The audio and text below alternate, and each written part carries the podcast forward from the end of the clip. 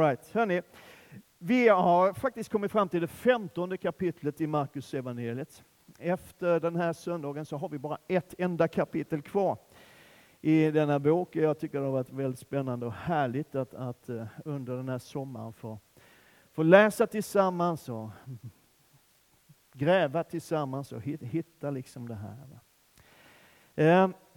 Och när vi nu kommer in i det femtonde kapitlet så, så, är man ju liksom inne i de här texterna som vi oftast läser när det är påsk och så. Va?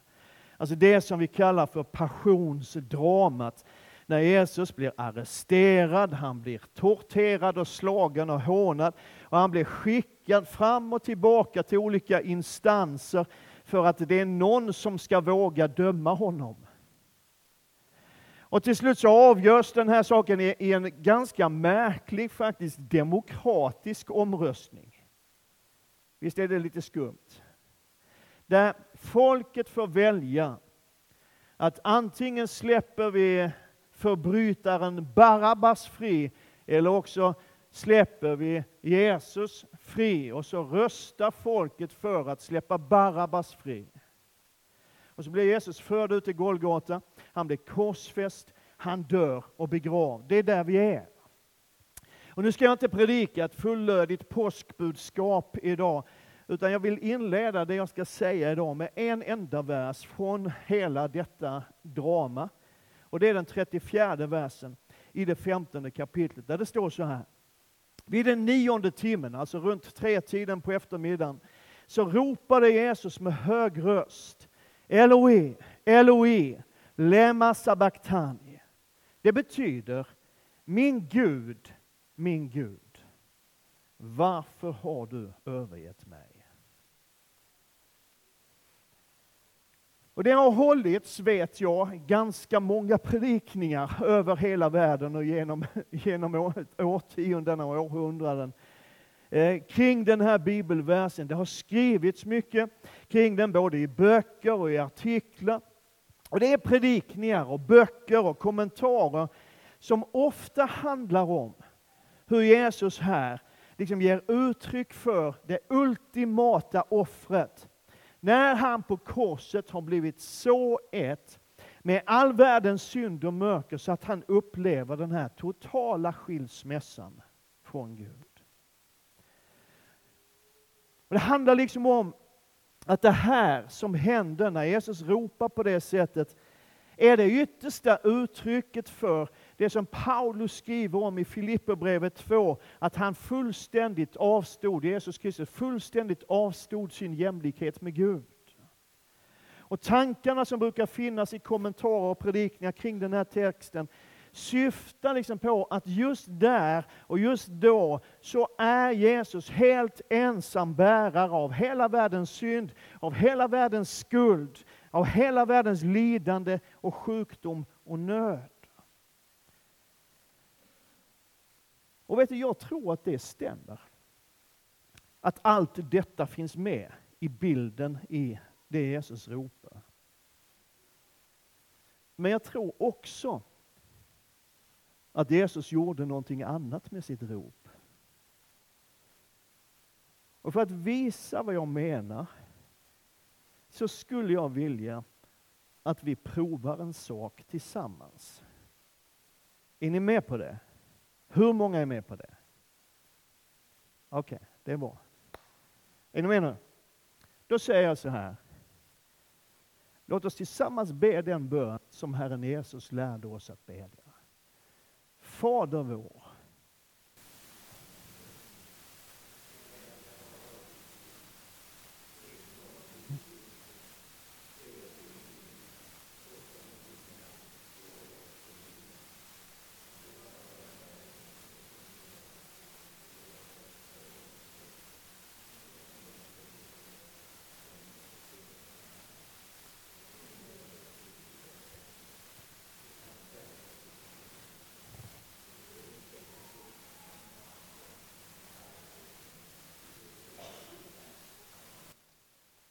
Amen. Du kan den bönen. Eller hur? Den kommer liksom av sig självt. Den ingår i vårt kristna arv och människor har bett denna bön i 2000 år, i stort sett i varje kyrka, i varje land, över hela världen. Och då kanske du undrar, vad i all världen har det med saken att göra? Jo, när Jesus ropar ut vid tretiden på eftermiddagen så är hans rop ett direkt citat av psalm 22. Min Gud, min Gud, börjar den. Varför har du övergett mig? Och psalmerna var folkets bönbok. De fanns i människornas medvetande. Man sjöng psalmerna, man läste dem, man citerade dem och man bad utifrån psalmernas böner och ord. Och de flesta som stod runt korset den eftermiddagen kunde fortsättningen på psalmen.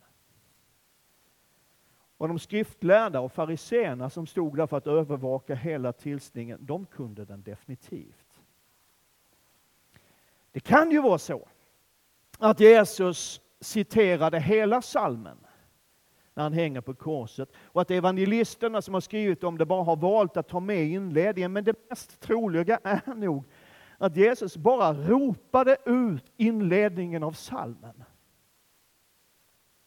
Medveten om att de som var samlade skulle kunna fylla i resten själv, precis som vi gjorde alldeles nyss. Det räckte med att jag sa två ord och sen kom resten automatiskt. Och min poäng är att Jesus väldigt medvetet satte igång någonting med sitt rop. Någonting som visade de som var samlade där vid Golgata att allt som hänt hittills den dagen och allt som kommer att ske i resten av den här dagen är förutsett och förutsagt för över 2000 år sedan, när kung David, eller 1000 år tidigare, när kung David skrev salmen. Låt mig bara ge dig en någorlunda snabb genomgång. Det första har vi redan sett här. Va? Sen står det så här i vers 8 och 9 i psalm 20, 22. Alla som ser mig hånar mig, de grimaserar och skakar på huvudet. Anförtro det åt Herren, han får befria och rädda honom. Han älskar ju honom. Och Markus skriver, de som gick förbi hånade honom och skakade på huvudet och sa, ha! Du som river templet och bygger upp det på tre dagar, fräls dig själv, kom ner från korset. På samma sätt förlöjligade översteprästerna och de skriftlärde honom. Psalm 22 säger, vers 16, min kraft är uttorkad som en krukskärva, min tunga fastnar i gommen. Och Markus beskriver att en av dem sprang fram en svamp ättikvin, fäste den runt en käpp och gav honom att dricka. Och du vet att de andra evangelisterna, när de beskriver Golgata-dramat, så ropar Jesus ut och säger, jag är törstig. Vidare i psalm, eh, psalm 22, vers 16. Du lägger mig i dödens stoft. Och Markus skriver, Josef köpte då linnetyg, tog ner honom, svepte honom i linnetyget, la honom i en grav som var uthuggen i klippan. Sen rullade han en sten för ingången till graven. Psalm 22 säger vers 17, hundar omger mig. Det är inte vanliga hundar, utan det är liksom en, en beskrivning av usla människor. Hundar omger mig, de ondas hop omringar mig. Markus säger, tillsammans med honom korsfäste de två rövare, den ene på hans högra sida, den andra på hans vänstra. De har genomborrat mina händer och fötter utropar Messias gestalten i psalm 22. Och Markus och de andra evangelisterna berättar hur de korsfäste honom. Och slog spikarna genom hans händer, slog spikarna genom hans fötter. Psalm 22. De delar mina kläder mellan sig och kastar lott om min klädnad. Tusen år innan det här händer. De delade hans kläder mellan sig genom att kasta lott om vad var och en skulle få. Och vi har sagt det flera gånger förut under den här serien. Vi har sagt att rakt igenom hela Markus evangeliet så ligger den här frågan, vem är han? Liksom som en röd tråd genom hela evangeliet. Markus börjar sitt evangelium med att tala om vad han tror och säger, här börjar evangeliet om Jesus Kristus, Guds son. Och det bekräftas av Guds röst från himlen två gånger i evangeliet. Det är son. Och så är det här liksom pendlar. Lärjungarnas frågor, folkets frågor. Vem är han? Vad är det här? Och Jesus frågar vid ett tillfälle, vem säger folk att jag är? Och ännu viktigare, vem säger ni att jag är? Liksom huvudfrågan genom hela Markus berättelse är detta, vem är han? Och nu liksom, när hela berättelsen pikar, när allt ställs på sin spets, så är det som om Jesus vill bränna in den frågan i människornas medvetande och sinnen. Det är som att han vill säga att ni måste fatta att det här är ingen vanlig död. Det här är ingen vanlig romersk avrättning. Utan allt som sker idag är förutbestämt och förutsagt av kung David och av hela det profetiska ordet. Och Jesus ställer sin fråga till de skriftlärda, till fariseerna, de som utan tvekan kunde den här salmen. Han ställer den till de romerska soldaterna, han ställer den till helt vanliga människor som står där vid korset. Till de som har ropat och skränat, korsfäst honom. Han ställer den till dem som valde Barabbas framför honom själv. Liksom frågan som Jesus ställer är, fattar ni nu? Ser ni vad det profetiska ordet säger? Förstår ni nu vem det är som ni har korsfäst? Och svaret kom inte från de skriftlärda eller fariseerna, den kom inte från folkhopen som har ropat korsfäst.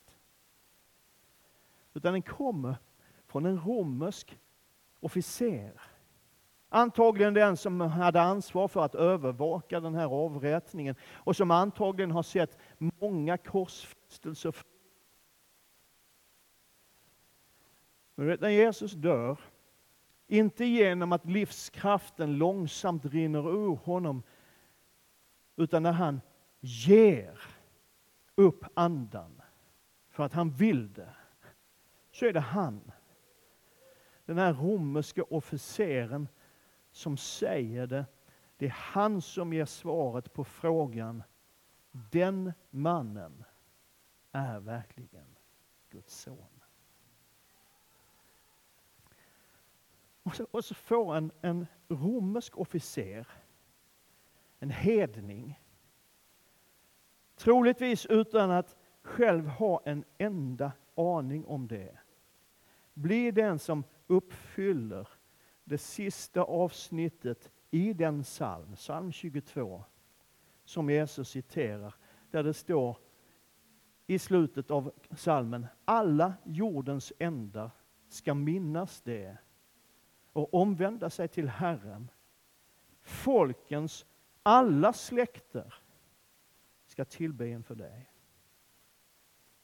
När officeren som stod framför honom såg att han gav upp andan på det sättet sa han, den mannen var verkligen Guds son.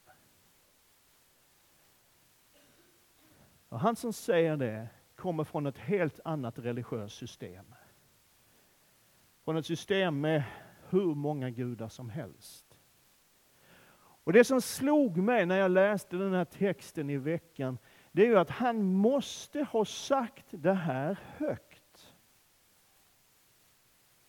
Det var liksom inget han stod och mumlade för sig själv, för då hade det inte nått till öronen på dem som förmedlade till Markus som skrev ner det. Inför alla människor, inför de skriftlärda, inför fariseerna, inför hela denna folkhop, där många av de som stod där hade varit med och ropat korsfäst honom. Står en romersk officer och säger att den mannen är Guds son. Och vet du vad? Det är den bekännelsen. Det är den bekännelsen som frälser en människa. Johannes skriver i sitt första brev om att den som bekänner att Jesus är Kristus, Kristus är samma roll som Messias, och Messias handlar om den som Gud skulle sända, Guds son, den som bekänner Jesus ska vara frälst.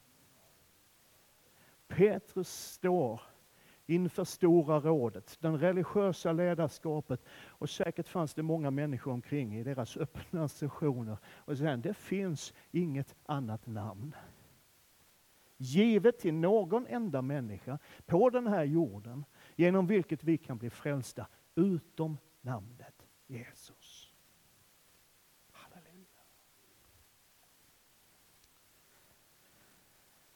Och Då kan man undra varför är det så viktigt att Jesus är Guds son.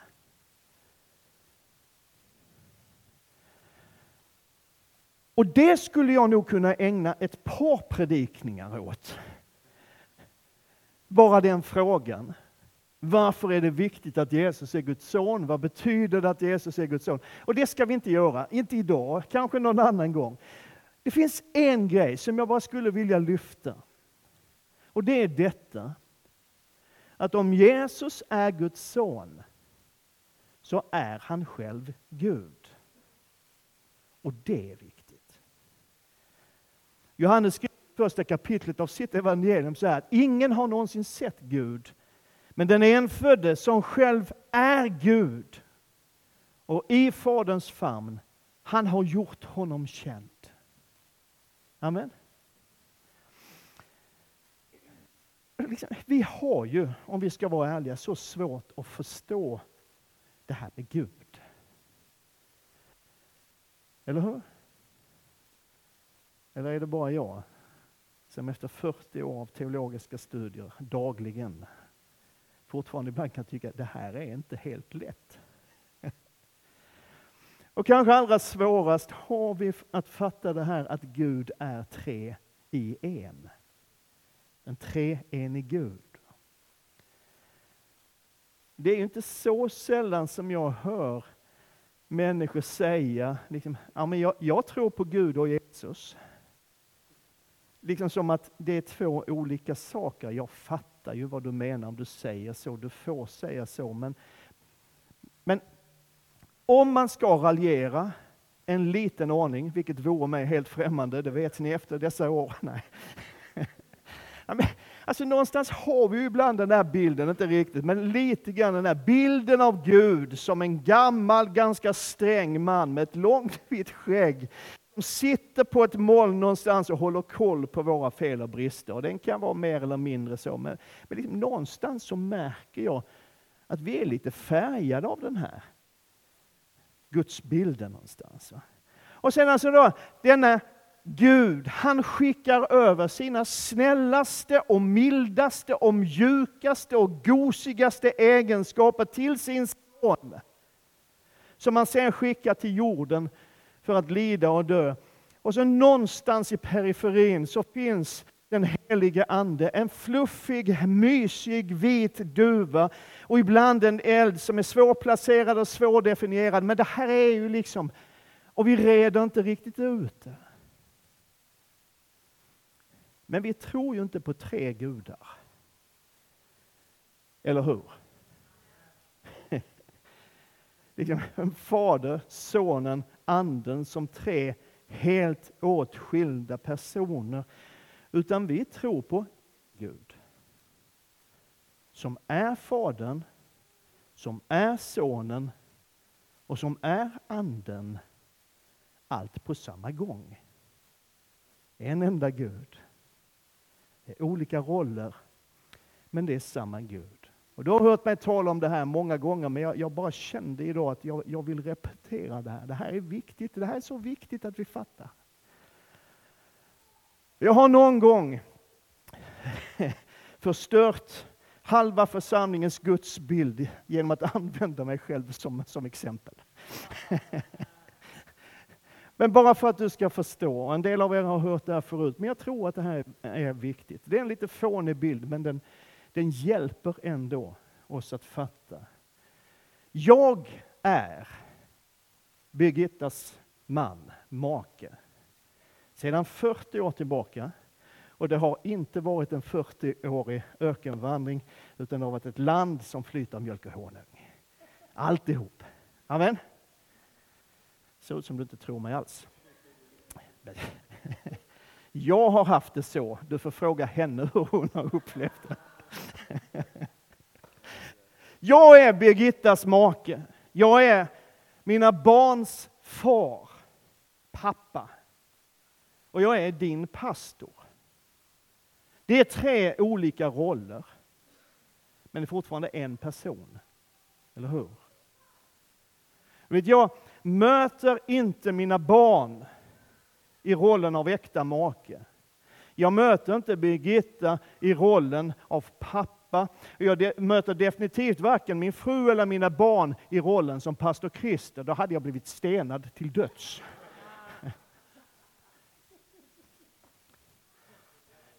Och jag möter inte dig, varken som make eller pappa. Jag har nog av mina egna barn. Jag är din pastor. Men det är en och samma person. Är du med? Ja, det är en bra bild. Jag vet. Jag tycker det själv. Den haltar. Den, den gör ju det. Och den når liksom inte upp till hur treenigheten hos Gud fungerar.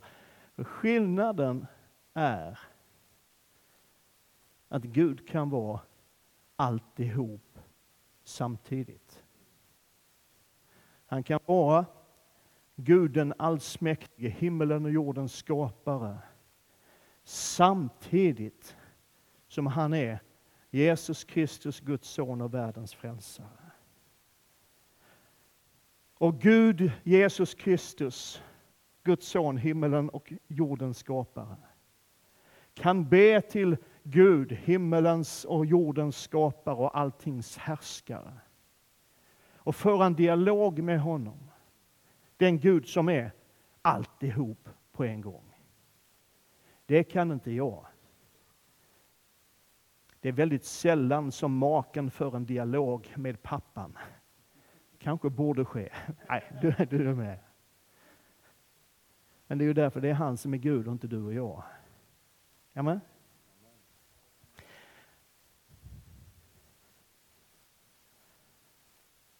Så när du möter honom som skaparen universums Herre så är det Fadern du möter.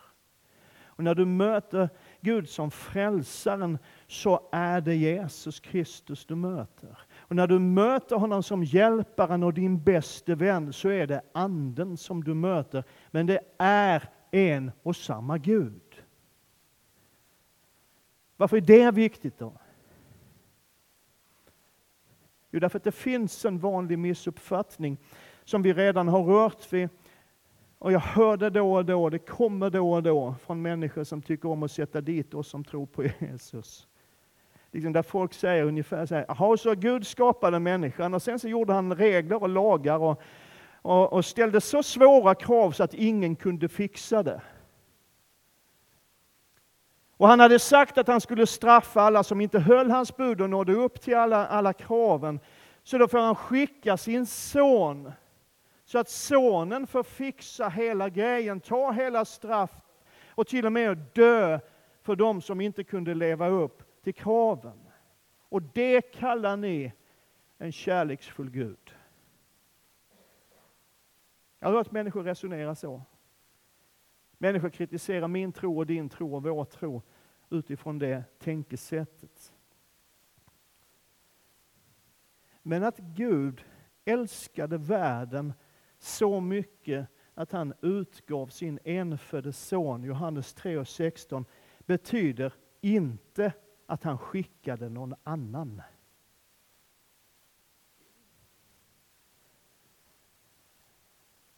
Gud skickade inte någon annan. Vet om du inte kommer ihåg någonting annat från den här förmiddagspredikan, den här söndagen, så kom ihåg det. Gud skickade inte någon annan. För det fanns ingen annan att skicka. För det finns bara en Gud. Det var Gud själv som hängde på korset. Det var Gud själv som pekade på profetierna i psalm 22.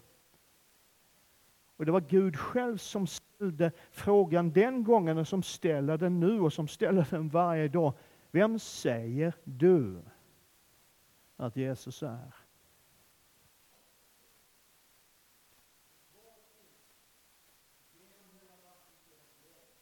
Genom hela Nya Testamentet. Markus hade förstått det när han säger, här börjar evangeliet om Jesus Kristus, Guds son. Och Petrus fick det uppenbarat för sig när han säger, du är Messias, den levande Gudens son. Och Gud själv, Guds röst från himlen bekräftade, detta är min älskade son.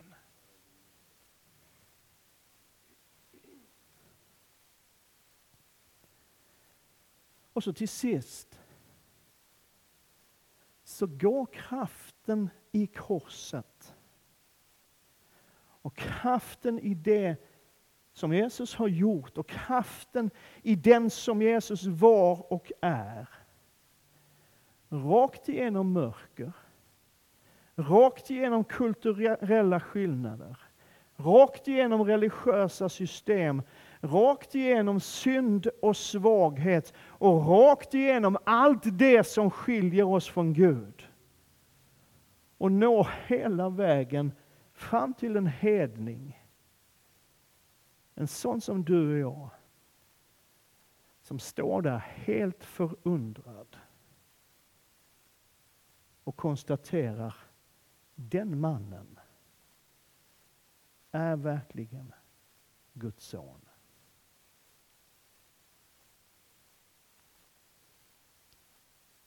Vem säger du att Jesus är?